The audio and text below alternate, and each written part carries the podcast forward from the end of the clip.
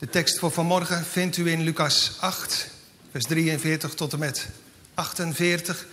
Het is u voorgelezen en ik lees u samenvattend alleen nog het 47ste en 48ste vers. Lucas 8, vers 47 en 48. De vrouw nu ziende dat zij niet verborgen was, kwam bevende en voor hem nedervallende verklaarde hem voor al het volk om wat oorzaak zij hem aangeraakt had en hoe zij terstond genezen was. En hij zei tot haar, dochter, wees welgemoed, uw geloof heeft u behouden, ga heen in vrede.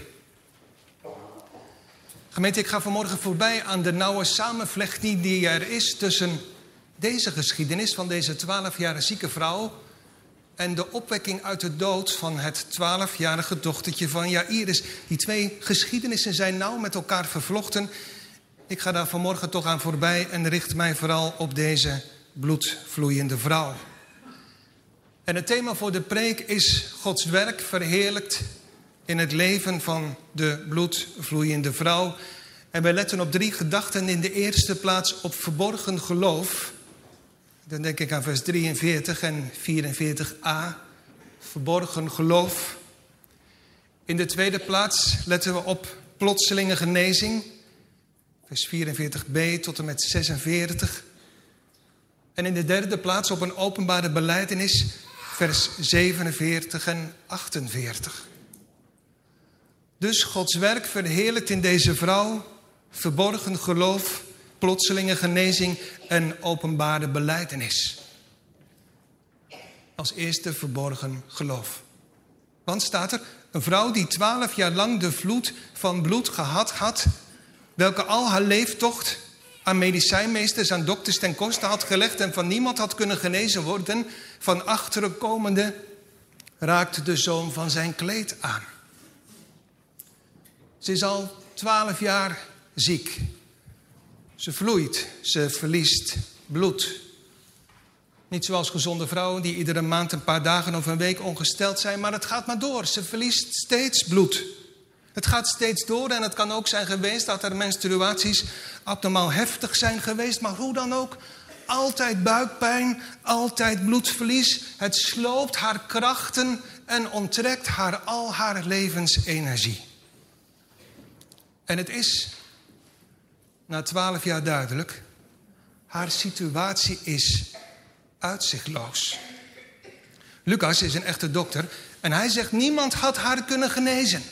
Met andere woorden, het probleem is de kwaal. De kwaal is ongeneeslijk.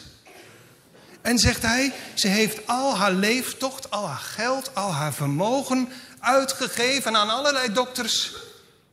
Maar het heeft allemaal niets geholpen, want, want de kwaal was ongeneeslijk. Marcus, ja, dat zegt Lucas als een echte dokter natuurlijk niet, die voegt daar nog iets aan toe. Die zegt, ze had veel geleden van, niet alleen van de ziekte, maar ook van de dokters. Ze had veel geleden van de dokters en het was alleen maar erger geworden. Ja, als dokter zeg je dat natuurlijk niet van je collega's, maar het is wel waar, want Marcus zegt het. Chronisch, ongeneeslijk ziek. Ja, en dan ook nog een kwaal waar je niet zomaar mee te koop loopt. Als je een kwaadaardige ziekte hebt en je krijgt chemokuren, dan is dat zwaar. Dan is dat heel zwaar. Maar je kunt het nog wel delen met de mensen. En de mensen sturen je kaartjes en leven met je mee. Maar je hebt ook van die dingen die je eigenlijk liever niet deelt met mensen. Waarvan je eigenlijk liever hebt dat ze het niet weten, want je schaamt je ervoor.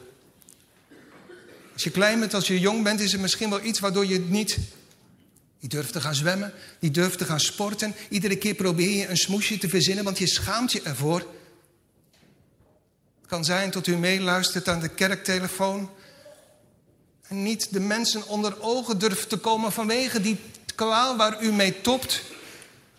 Last van incontinentie, een nare huidziekte.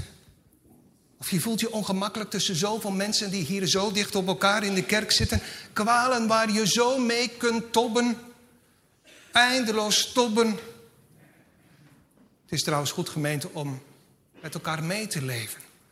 Zeker ook als het gaat om mensen die langdurig ziek zijn. Na verloop van tijd raken ze een beetje in de vergetelheid. Laten we daarvoor oppassen. Laten we met hen mee blijven leven en hen ook blijven dragen in het gebed. Maar er komt nog iets bij bij deze vrouw. Wie vloeit, wie bloed verliest, is onrein volgens de wet van Mozes. Wie als vrouw, als meisje vroeger ongesteld was in Israël, was zeven dagen onrein. En alles wat je aanraakte werd ook onrein tot aan de avond en moest dan gewassen worden. En iedereen die je aanraakte, die werd ook onrein en mocht een week lang niet meedoen in de eredienst. Dus altijd buikpijn, altijd vloeien. Al je geld ondertussen kwijtgeraakt aan dokters, die je ook nog eens martelen met hun behandelingen. En uitgesloten, buitengesloten van het sociale en het maatschappelijke, maar vooral ook van het godsdienstige kerkelijke leven. Niet voor niets noemt Marcus deze ziekte, deze kwaal, een geesel. Je weet wel, zo'n stok met een touw eraan waar je mee kunt slaan. Die ziekte, die slaat haar. Ziekte. En ook deze ziekte is een beeld van de zonde. Het valt trouwens op dat de Bijbel helemaal geen naam heeft voor deze vrouw. Jairus heet Jairus. Zij, ja, dat zeggen wij. Zij heet de bloedvloeiende vrouw. Maar eigenlijk is dat hetzelfde als dat je tegenwoordig zou zeggen... die tuberculose man of dat mazelenmeisje. De ziekte is haar naam. Zo is het ook met ons die gezondigd hebben. Onze kwaal is onze naam, want we heten zondaars. En die zonde, die sloopt onze lichamen. Chronische ziekten breken onze lichamen langzaam af. Het is niet zo, trouwens even tussendoor, dat u dan die chronische zieke moet aanwijzen als iemand die misschien wel een bepaalde zonde heeft gedaan, waardoor hij of zij gestraft wordt door God. God heeft met iedere ziekte een wijze bedoeling. Die wij soms helemaal niet weten. Omdat de Heer het beter vindt om ons dat te verbergen. Maar het is onze, onze zonde. Gezamenlijk en onze persoonlijke zonde. Die ervoor verantwoordelijk is dat er ziekte in de wereld is. Was er geen zonde, dan was er ook geen ziekte. Zonde sloopt onze lichamen Zonde sloopt, maakt het hele leven als het ware stuk. Gebrokenheid in gezinnen, in huwelijken. Verwijderingen in families, conflicten op het werk. Jaloezie die de goede verhoudingen stuk maakt. Het is allemaal het gevolg van onze zonde. En de zonde maakt in de derde plaats vooral onrein breekt de gemeenschap, dat wil zeggen de intieme verbondenheid met de Heere God. Zonde sluit ons buiten. Buiten de dienst van God en maakt ons onrein in de ogen van de heilige God. En zonde, onze zonde, is vooral een dodelijke kwaal. Door de zonde zijn we sinds het paradijs gescheiden van onze schepper en maker we zijn onrein geworden. En kunnen in de ogen van de heilige God niet bestaan. Wie zegt de apostel zal God zien en leven? Want hij is een verterend vuur en heilige God. Die ten alle tijden, die altijd torent over de zonde. Over de zonden van mijn onwil. Mijn onmacht. Mijn onvermogen. Over al die zonden die ik doe en die ik denk en die ik voel en die ik fantaseer in mijn hoofd. Onze zonde. Dat is onze naam. En het is een dodelijke kwaal. Zondaars zijn we. Vijanden van God sinds Adam. Buitengesloten uit de gemeenschap, de intieme verbondenheid met de Heere God en ten dode opgeschreven. Nou, dan zijn we gelijk ineens heel dichtbij. Dit, deze geschiedenis gaat dus ten diepste in geestelijke zin ook over ons. Twaalf jaar ziek. Hoe lang, ik vraag het maar aan u, duurt uw zondekwaal al? Misschien zegt u, ja, maar daar heb ik helemaal geen last van. Ik weet het wel en het zal ook wel waar zijn, maar ik voel het helemaal niet. En daarom voel ik me zo gerust. Ja, maar denk eens even na. Misschien is dat wel, het is wel zeker zo. Dat is de gevaarlijkste kwaal, de gevaarlijkste ziekte die je kunt hebben. Een dodelijke ziekte. Die je niet opmerkt, die je niet voelt. Je voelt je kern gezond. En je tijd tikt weg. Twaalf jaar gedokterd. Dat soort mensen zitten vanmorgen ook hier in de kerk. Jarenlang om hulp gevraagd. Bij alles en bij iedereen. Maar zeg ik tegen u, heeft het geholpen? Nee, zegt u, dat niet. Het is erger geworden. En ik heb er ook nog aan geleden aan al die dokters die, die me verplichten tot dit en die dwongen me om dat te doen. Weet u, Lucas is een goede dokter. Die stelt een goede diagnose. Die zegt het ligt aan de kwaal. De kwaal is ongeneeslijk. Ze topt en ze topt en het wordt steeds erger. Je kwaal kwam openbaar, je zonde kwaal, de zonde, mijn zonde.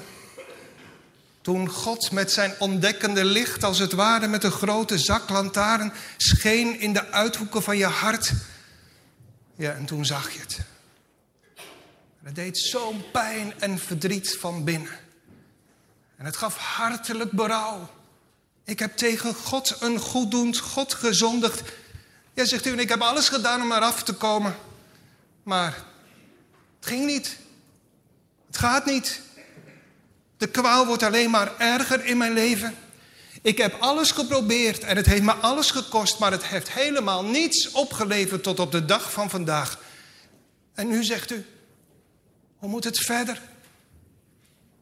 Ik voel me met mijn zondekwaal in mijn hart zo hopeloos, want ik sta voor God en ik kan niet voor Hem bestaan.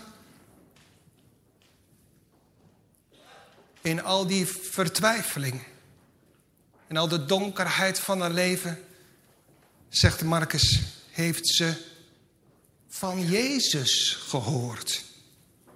Ze heeft gehoord van Jezus van Nazareth, die macht heeft bezetenen te genezen. Duivelse kwaal was dat. Jezus van Nazareth heeft macht om de melaatse te reinigen. Een onreine ziekte. Hij heeft zelfs verlamden genezen. Met een aangeboren aandoening. En ze heeft het gehoord, zegt Marcus. Kort geleden heeft Jezus zelfs die jongen uit Nain uit de dood opgewekt. Midden in al haar getop, in al haar vertwijfeling hoort ze van Jezus. Valt er plotseling een straal van licht. Wordt plotseling haar oog gericht op Jezus. Wat een wonder is dat. Hebt u dat ook wel eens gehad? Midden in de nacht van uw zondeschuld. In de donkerheid en de duisternis van uw overtuiging. Midden in de nacht van uw vertwijfeling de Heere liet plotseling een straal van licht vallen op Christus. Plotseling werd zomaar uw oog gericht door het woord op de Verlosser. En de Heer liet u zien, er is een weg. Er is een weg om zalig te worden. Dan springt je hart toch op van blijdschap. Of was dat niet zo bij u? Ze heeft gehoord van Jezus, maar ja, er zijn zoveel belemmeringen, zoveel blokkades, zoveel bezwaren. Misschien ook wel bij u. Maar door de vertwijfeling toch weer toeslaat in haar hart. Hoe zal ik toch ooit bij Hem, bij Jezus komen? Dan zal ik wel welkom zijn bij Hem. Matthäus en Marcus schrijven ook over deze geschiedenis. En zij beiden zeggen, zij heeft bij zichzelf gedacht. Met andere woorden, keer op keer in haar vertwijfeling. Zal ik gaan? Nou, of toch maar niet. Ja, of toch wel. Of toch niet. Keer op keer gedacht. Ja, ik zal gaan. Want hij is machtig om te genezen. Ik zal het doen. Of nee, toch maar niet. Want ik schaam me zo voor mijn kwaal. Wat moet ik toch zeggen? Zouden me niet afwijzen. Ik ben onrein. En, hoe moet het toch? Moet ik straks nou eerlijk met deze kwaal... Dat doe je toch niet om daarmee voor de dag te komen. En wat zullen al de mensen niet zeggen? Zoveel bezwaren. Zoveel blokkades op de weg naar Jezus van Nazareth. En toch iets in haar hart. Ik moet zeggen, iemand in haar hart trekt. Ze heeft van Jezus gehoord, zegt Marcus. Van Jezus die niet alleen mens was, maar ook de almachtige en de waarachtige God die overal is en die alles weet en die alles ziet en die alles kan. En ja, dat zeggen we achteraf die toen al in haar hart een beginsel heeft gelegd van geloof en vertrouwen. En uiteindelijk, ze komt. Ons tweede aandachtspunt, plotselinge genezing. Ik zei u, een beginsel van geloof, ongetwijfeld gelegd in haar hart door God. Maar ik denk, als je nou zou vragen aan die mevrouw... Mevrouw, gelooft u daar zou ze zeggen van, ik weet het niet. Misschien heb ik wel geen geloof, maar dit weet ik wel. Ik ben doodziek. Ik weet het niet meer. Ik moet naar Jezus van Nazareth toe, maar ik weet niet hoe het moet. Misschien zit u zo vanmorgen wel in de kerk. Kijk eens in uw hart. Het moet. Als ik kijk naar mijn zonde en mijn schuld, maar ik weet niet hoe het moet. Ze stond op. Duizend en één bezwaren. Net als bij de verloren zoon, ongetwijfeld voordat hij terugkeert naar zijn vader. Ik weet het niet. Het kan niet. Maar het moet. Ik kan niet anders. En dan uiteindelijk, dan gaat ze. En haar gaan, ja, dat zien we achteraf en dat weten we achteraf, is een gaan in geloof. Lucas schrijft in vers 44, van achteren tot hem komende raakte de zoom van zijn kleed. Aan het kleed van een Joodse man, van een rabbi, hingen kleine kwastjes. Die herinnerden aan de wet van Mozes. Een van die kwastjes raakte de zoom van zijn kleed aan.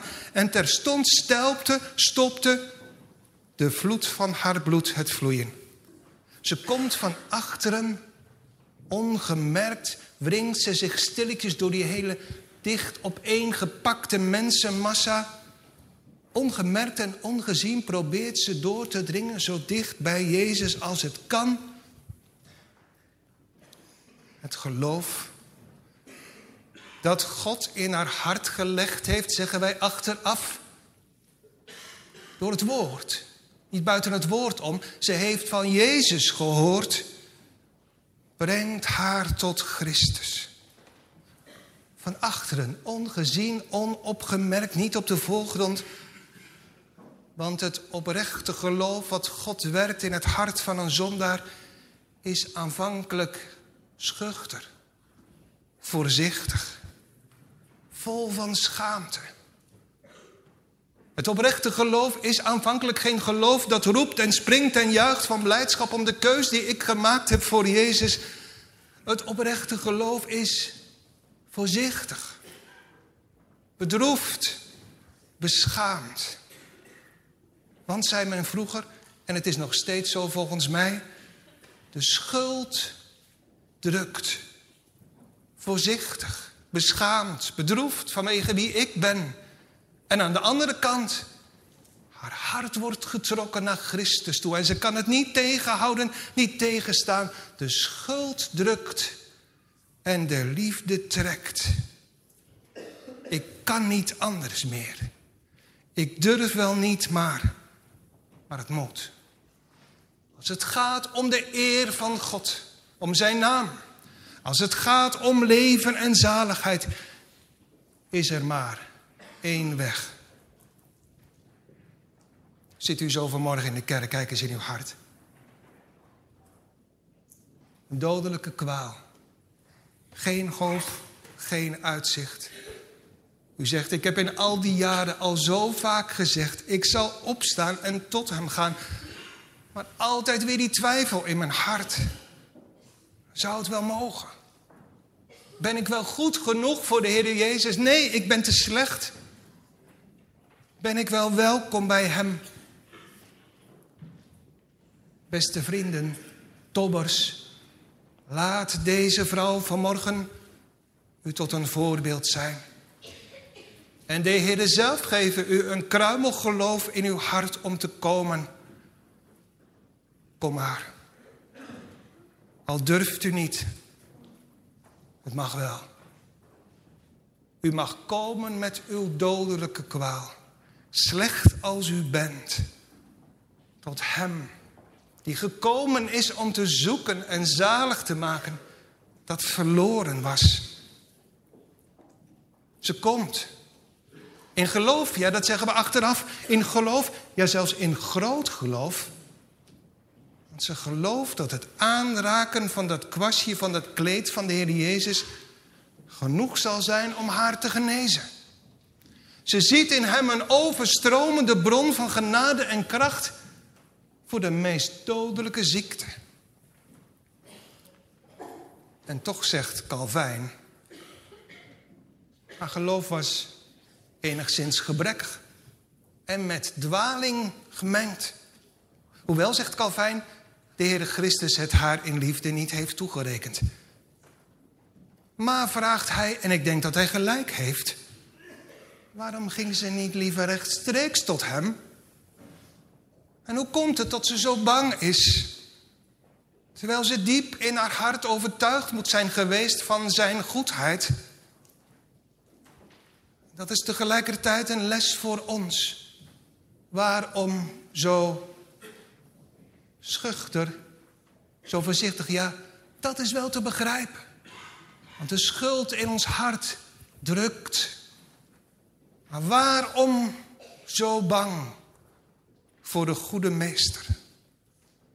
Als zijn goedheid u toeroept, komt herwaarts tot mij, alle die vermoeid en belast bent.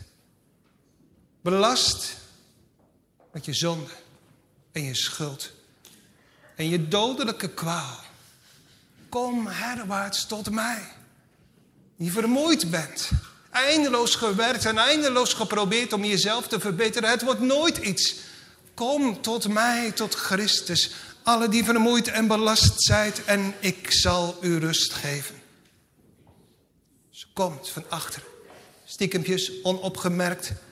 En ze bukt heel voorzichtig, niemand ziet het. En raakt heel stiekem het kwastje van het kleed van de Heer Jezus aan. En, en ineens voelt ze het. Levenskracht doorstroomt haar lichaam. Nieuwe energie stroomt door haar aders. En ze voelt het, haar kwaal is voorbij, de buikpijn is weg. Het vloeien stopt. Genezende kracht vloeit uit Christus. De kracht van Christus geneest haar ziekte. En de onreinheid is voorbij. Het in geloof aanraken. Met een kruimelgeloof van het kleed van de heilige, smetteloze Christus.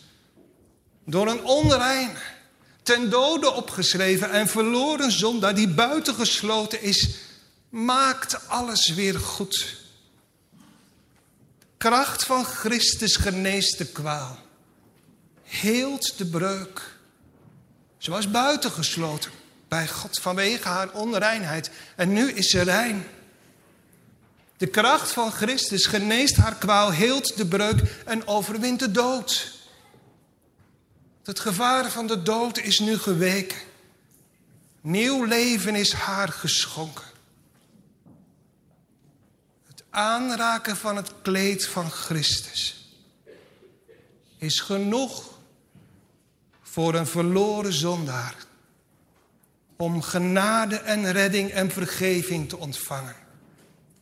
Afwassing van zonde, vergeving van schuld en het wegdoen van alle smet en onreinheid.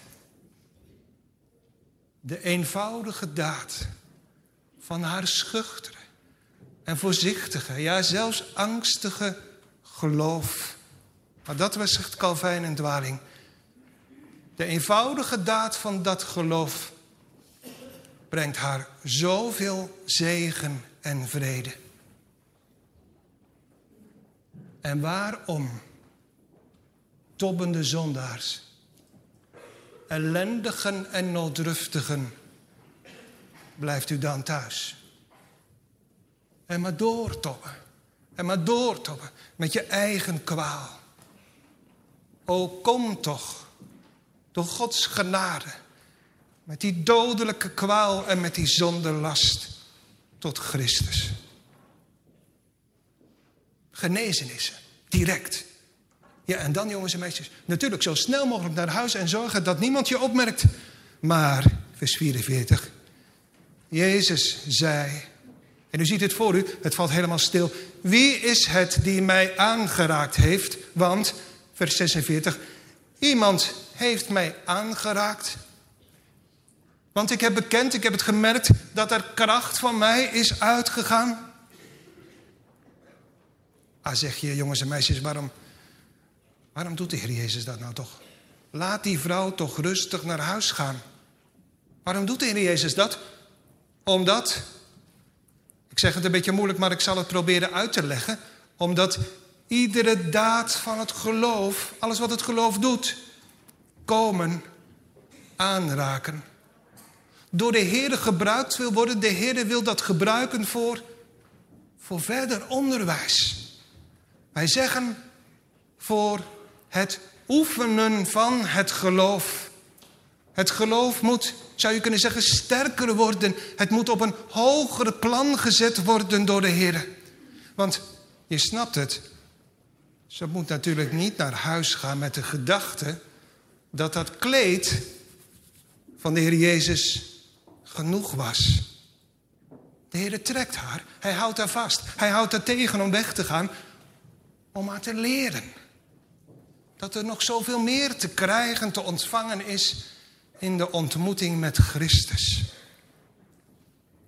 Wie is het? Heer Jezus kijkt rond in de menigte. Wie is het die mij aangeraakt heeft? Want ik heb bekend, ik heb gemerkt dat de kracht van mij is uitgegaan. Jezus weet dat hij niet zomaar toevallig is aangeraakt in die, die duwende menigte, in die duwende mensenmassa, zoals de discipelen in hun domheid denken. Hij weet het. Hij is aangeraakt in geloof. U ziet het voor u. Ineens valt alles stil. Zelfs die van ongeduld trappelende Jairus. Want zijn dochtertje ligt op sterven. Kijkt even rond, wie zou het geweest zijn? Iedereen kijkt. En Marcus schrijft, Jezus zag rondom om haar te zien. Hij weet het. Het is een vrouw. En hij weet ook precies wie het gedaan heeft. Wetende Jezus weet alles en, en ziet om zich heen wie het, wie het geweest is die hem aangeraakt heeft. En zij weet ook, ik kan er niet meer onderuit. Ze was misschien al even weggelopen, maar, maar komt toch weer terug. En dan schrijft Marcus, en de vrouw, vrezende en bevende, wetende wat aan haar geschied, wat er aan haar gebeurd was, kwam, viel voor hem neer, plat op de grond en zei hem al de waarheid. En Lucas zegt, de vrouw, ziende dat ze niet verborgen was, ze ziet het, ze weet het, Heer Jezus kent haar, kwam bevende en voor hem neervallende, verklaarde hem voor al het volk waarom zij hem aangeraakt had en hoe zij terstond direct genezen was. Ons derde aandachtspunt, openbare beleidenis. Ze komt terug. Waarschijnlijk was ze al een kleine, klein eindje op weg om weer naar huis te gaan, maar ze komt terug met vrees en beven. Want ze weet dat ze iets gedaan heeft waar ze eigenlijk geen toestemming voor had gevraagd. En ze valt voor hem neer, letterlijk plat op de grond en vertelt hem alles. Lucas zegt, ze vertelt waarom ze hem aangeraakt heeft en hoe ze terstond, hoe ze direct genezen is. Marcus zegt, Marcus zegt het nog duidelijker en breder. Hij zegt, ze zei hem al de waarheid. Wat wil zeggen de waarheid van haar ziekte, van haar lijden, van haar onreinheid? De waarheid van haar jarenlange bloedverlies en buikpijn en verdriet en buitengesloten zijn? De waarheid van de dokters, die alleen maar ellende hadden toegevoegd. Haar arm gemaakt we hadden. En ondertussen werd de kwaal alleen maar erger. Als ik even terugdenk aan de Bijbellezing van afgelopen donderdag. Dokter Mozes, de wet, dokter deugdelijkheid en netheid en vroomheid. Het maakt de kwaal alleen maar uitzichtlozer. Ze vertelt hem al de waarheid van haar hoop op Jezus. Dat er een straal van licht is doorgedrongen in haar hart toen ze van hem hoorde. Maar ook van haar vrees en van haar aanvechting en twijfel. Of ze wel mocht komen. Of hij haar niet zou wegsturen. Of ze hem misschien niet onrein zou maken, wat natuurlijk niet gebeurd is. En, en dat ze gekomen is. Zijn kleed stilletjes heeft aangeraakt. En, en dat hij haar genezen heeft. Ze vertelt alles. Ziet u het voor u? De Heer Jezus, ongeduldige Jairus. Zij vertelt hem alles voor het volk, al die mensen daaromheen, zoals hier al die mensen. Maar ik zeg vanmorgen tegen u, omstanders, wat zit u daar toch allemaal bij te kijken? Iedereen, net als toen, luistert geïnteresseerd, kijkt. Hij zegt, mooi zeg. Interessant moet je kijken wat er gebeurt, dat is toch wonderlijk. Maar de vraag is naar u, naar jullie jongelui, wat doe je ermee? Je zegt nou, meningsvorming over Jezus, over die vrouw die God daar gebracht heeft. Ik denk er zo het mijne van. Nee, maar het gaat om jou. Het gaat om jouw ziel en jouw dodelijke kwaal. En nu sta je vanmorgen hier onder het woord. Ook zo dichtbij. Er staat helemaal niets tussen. Niets en niemand belemmert je om het kleed van Christus aan te raken en tot Hem te komen, voor Hem op de grond te vallen en Hem al de waarheid van je leven te, te vertellen.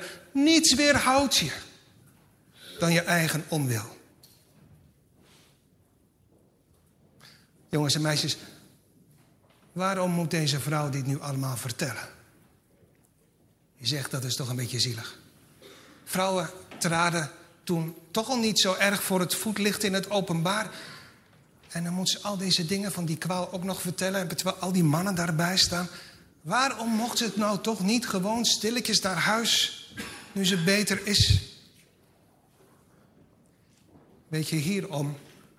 Omdat het wonder van haar genezing niet alleen maar voor het behoud is van haar lichaam en van haar ziel, maar vooral en echt in de eerste plaats tot de eer en de heerlijkheid van God.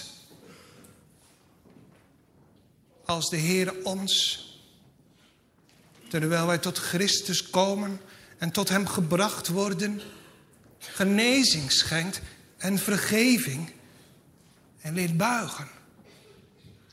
Mag je niet stilletjes naar huis? Om het voor jezelf te houden en daarvan te genieten. Dan mag je doen. En dan moet je uit liefde doen wat deze vrouw hier doet. Ze vertelde hem voor het volk al de waarheid. Iedereen mag en moet het weten. Want, en daar gaat het om, Het gaat om de eer van God. Bekering wil niet zeggen dat je ziel gered wordt en dat je straks naar de hemel mag, maar dat je verder je eigen leventje mag leiden, gericht op jezelf. Maar bekeren is, hebben we donderdag gezien, naar aanleiding van Galaten 2, vers 19, sterven aan jezelf en niet vergeten, goden leven. Gericht op God, God het middelpunt, het doel en, en de inhoud van je leven. En misschien is dat, ik zeg het nu op zondagmorgen nog maar een keer, is dat het probleem vooral van ons, die de Heere dienen en vrezen mogen klagen steen en been over alles van de wereld. Het is eng, ja, het is ook eng. Het is bedreigend, ja, het is ook bedreigend. Het is gevaarlijk, zegt een ander, ja, het is ook gevaarlijk. En we proberen het allemaal in te dammen met regeltjes zus en zo. En ondertussen stroomt de stroom van de wereld, de vloed van de zonde over ons heen. Het lukt niet, zegt u, als ouders. Het lukt ons niet als ambtsdragers. Want wat er nodig is, in ons persoonlijke leven, kinderen van God, en ook in het gemeenteleven, is vooral dit dat merkbaar wordt en zichtbaar wordt en hoorbaar wordt dat we God vrezen. In het verborgen en in het openbaar. Dat we zichtbaar maken, hoorbaar, merkbaar, laten zien hoe goed het is om onze meester te dienen en te vrezen. En dat hij voor ons echt het allerhoogste en het eeuwige goed is. Want als mensen dat zien, als jongeren dat zien in de kerk, wil God dat als middel gebruiken om hen ook te trekken tot de dienst van de Heer. En ze worden niet getrokken door allerlei regels. Ze worden getrokken door het zien van de vrezen des Heeren. Voorbeelden in het midden van de gemeente. En als ze zien dat wij breken met de zonde, kan de Heer dat en wil de Heer dat gebruiken ook als middel om hen te laten breken met de zonde. Kortom, niet alleen horen, ontvangen en voor jezelf houden, maar ook doen, uitdragen, laten zien. Zoals deze vrouw doet. Ze vertelt alles. Als eerste tegen Christus. Gezegende momenten zijn dat. Zalig moment in je leven als je voor het eerst en weer opnieuw alles tegen God mag vertellen. Tegen God in Christus. De grootheid van je kwaad. De hardnekkigheid van je zonde. Je onmogelijkheid om er zelf iets aan te doen. Het verlangen naar Christus. Dat Hij tot je gekomen is. Terwijl je zelf tot Hem niet kon komen.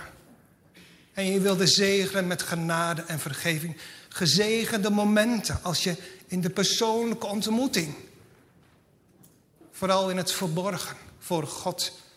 Dat tegen de Heer mag zeggen. Maar niet alleen in het verborgen. Maar hier ook in het openbaar. Want ze vertelt het tegen hem. Staat er voor al het volk. Iedereen staat erbij. Ze vertelt haar eigen ellende. Haar dodelijke en ongeneeslijke kwaal. Ze vertelt hoe ze getrokken is door de woorden tot Christus. Hoe hij haar niet heeft afgewezen, maar genezen. Hoe hij haar genezing schonk en vrede en, en alles. Ze zegt het tegen Jezus voor al het volk. Dat is de ware dankbaarheid. Gericht op God, gericht op Christus. Hoorbaar, zichtbaar, merkbaar.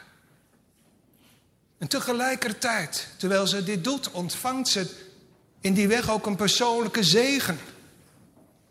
Want Christus gaat hier juist door publiek bevestigen wat Hij in haar leven heeft gedaan. En dat had ze echt gemist als ze snel naar huis was gelopen.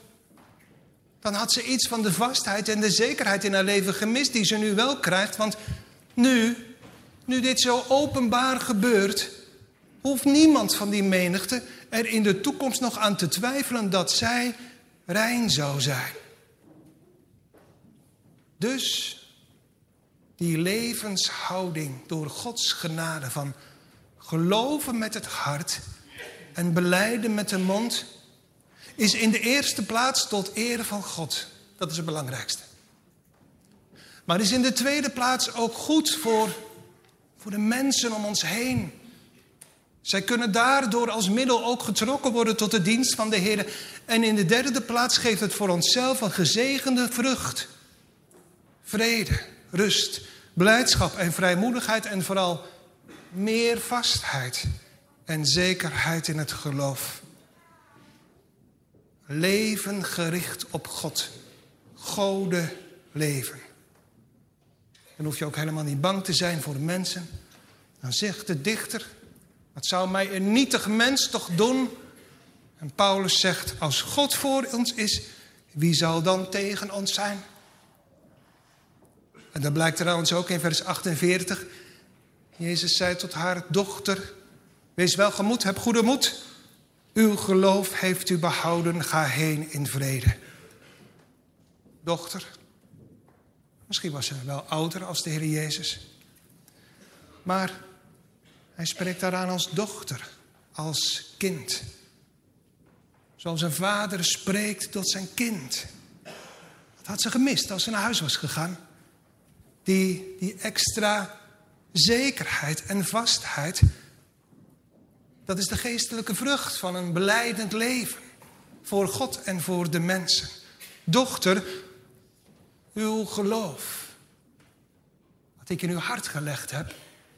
Uw geloof in mij heeft u behouden. Wat is dat nou toch geweest, dat geloof? Dat geloof zou je kunnen zeggen, dat waren de voeten die alles achterlieten en naar Jezus liepen. Het geloof, dat was de lege hand. Die niet meer graaide in haar portemonnee om de zoveelste dokter te betalen. Maar die de zoom van het kleed van Christus aanraakte.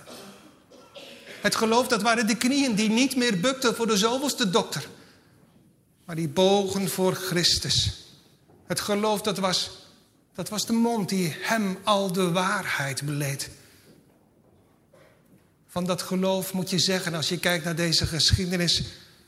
het geloof komt met niets. Het geloof komt met hopeloosheid, met onreinheid, met schuld. Wij mensen, wat dat noemt Paulus, denken gerechtvaardigd te worden door de werken der wet. Wij komen met tranen, met gebeden, met liefde en ijver tot God. Maar het oprechte geloof komt alleen maar met schuld en onreinheid. Maar het komt. En zo mag u door Gods genade ook tot Christus komen.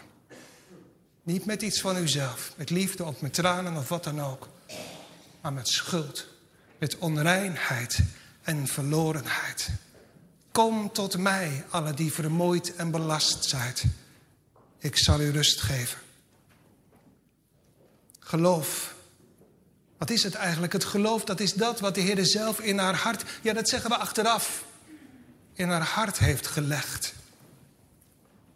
Hij trok haar weg van haar dokters toen ze hoorde over Jezus hij leidde haar, hij lokte haar tot hem. Hij bracht haar aan zijn voeten. Ja, en achteraf zeggen we, het is allemaal Gods werk geweest. Eenzijdige werk van Gods genade.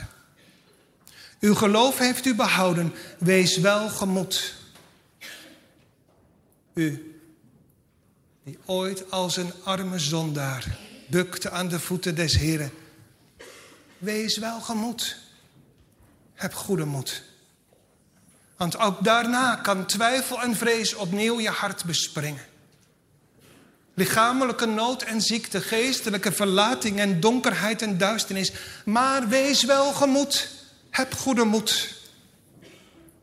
Want hij die u ooit, dochter, zoon, kind noemde, zal u niet begeven en zal u nooit verlaten. Hij heeft u in beide handpalmen gegraveerd. Voed het oud vertrouwen weder. Maar ook dat volgende niet vergeten. Zoek eens hoogsten lof uw lust.